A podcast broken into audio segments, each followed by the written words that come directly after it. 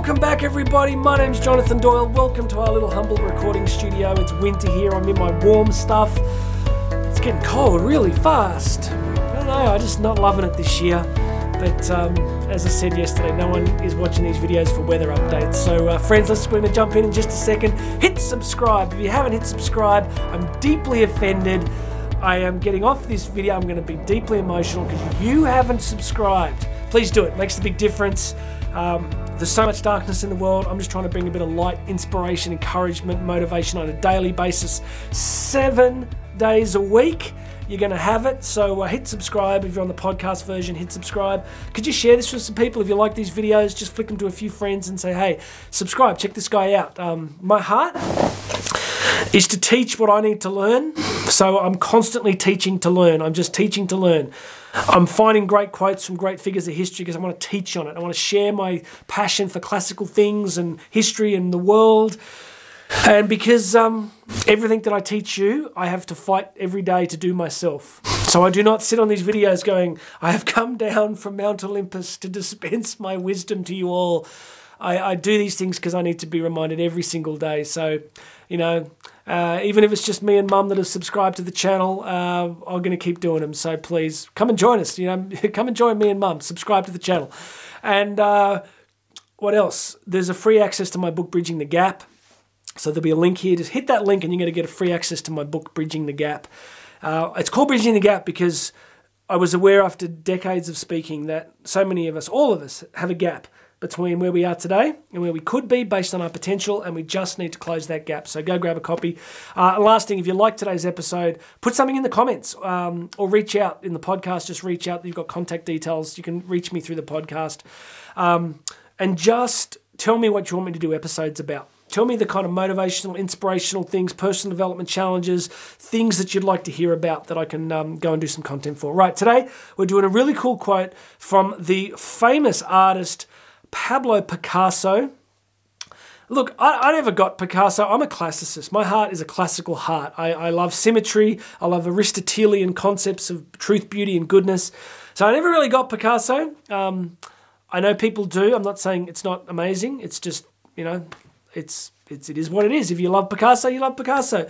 But I do like his quote, so let's hear it. Action is the foundational key to all success. Yes, Pablo. Yes, Pablo. Yes, Pablo. Action is the foundational key to all success. Convinced of this, convinced of this, because for most of my life, well, you know, I've struggled with one. I was going to say with one big problem. Karen would say, just one? Uh, no, one of the big problems I've struggled with is uh, what my brother used to say. One of my older brothers used to say to me was paralysis by analysis. That I would think um, so deeply about things from every angle that I would do nothing. Now, I'm going to go deep with you today. I'm going to be a bit vulnerable with you. I was sitting yesterday having some time for prayer and meditation, and I, I was really struck by something that's held me back most of my life. And I'll tell you what it is in just a sec, but the way to frame it is many years ago I read this book when I was struggling with a lot of anxiety. And the author was arguing that we all have in life a curriculum to learn. He called it a curriculum, that there's something that our life is constantly trying to teach us in multiple different ways. Now, you can say it's your life, it's God, it's the universe, whatever, however you want to frame it. But, you know, angry people have to learn how to let go of anger. Lazy people have to learn how to be, you know, not less lazy. All of us tend to have one or two big things that we need to transcend over the course of a life. And it'll come from childhood problems and trauma. And I just, I just want to encourage you if you want to go down that rabbit hole, go for it. But I just think going down the rabbit hole of why you have the struggles you have, maybe it's helpful. I don't. I have some thoughts on that. I, I just begin to think that even if you do find the answer to why, you still got the problem. Okay, I don't I don't find that unraveling the deepest mystery of why we have a particular behavior really helps us change it. I think just recognizing the problem and then going to work, I think that's more effective, but we'll get into that another day. So what I learned in this curriculum thing and what I learned yesterday was that I struggled with control. Not control of people. I've never been a controlling type of person at all. I'm really not. Like I just if anything, I'm just like, hey, you do you, right? Like, I'm just like, I love people. I'm very accepting. And the older I get, I think I'm more and more accepting of just where people are at and what people's journey has brought them to, and all good. So, what I'm getting at is. I have a strong need for certainty in life, right? I, you can see my you can see my, my physiology. Like, I, I also I've always wanted to be sure that whatever I was doing was the right thing, and often I wouldn't do things until I knew it was the right thing. So this leads to this this fear of control, like of you want control, and you won't act. You, to get control, you need certainty, but you can't get certainty, so you can't get control, which drives anxiety. It's a really interesting loop. And yesterday, I was sitting in the back of this church because I love going there for the silence, and I'm working through this stuff kind of prayerfully. And I was reading something from a psychologist, and who was just describing it beautifully, exactly what I'm talking about this kind of paralysis by analysis, can't make a decision, not sure what to do on things. And then, really, the summary was the answer was you, you, are never going to know if it's the right thing sometimes. Like, apart from being stupid, like if someone says, hey, you want to drink this battery acid? Like, there's certain things that are like obvious. But a lot of our life is pretty complex, and you could do anything. You could go either way on a lot of things her thesis, a lot like what Picasso is saying today, was was this, which is just act, just just take the action, just just act, just take the action, just do an action, just take an action. If it's the wrong one, you can change it somewhere down the line. But the worst thing you can do is not to do anything, because then you haven't learned anything through failure, and you haven't experienced the possibility of success. You've stayed exactly where you are. So Picasso today is telling us the same thing, that this key to all success is just action.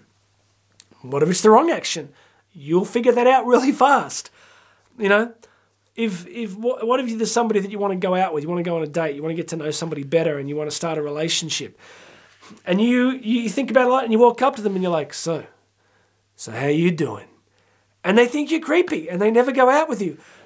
What is that? That's just feedback, right? That's just like you took an action. It was a terrible action. You just learned to never do that action again you could have said done exactly the same thing, and they they could have been really charmed and thought that's really cute, and you went out on a date. So you could have had success, you could have had failure, but if you had done nothing, you're never going to get either of them, right?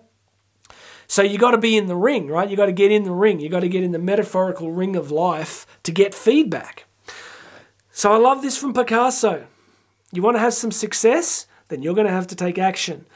If I want to have more success in my life, I have to let go of this drive for endless certainty and control and just take risks and be and be vulnerable to whatever happens, which is hard for me. It's really the, the way that this has shown up in my life in terms of anxiety and different things, extraordinary.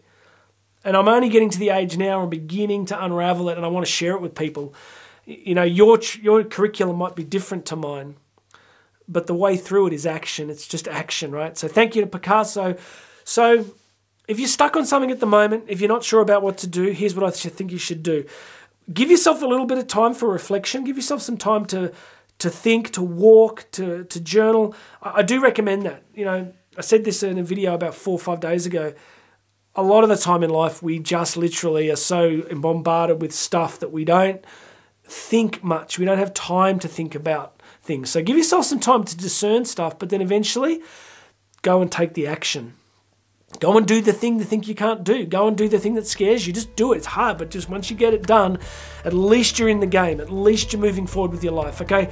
Tell me what you think. You like what I'm saying? You think it's crazy? You think it's wrong? Put something in the comments. Uh, if there's a topic you want me to cover for you, if there's an area of your life where you feel stuck, put it in the comments.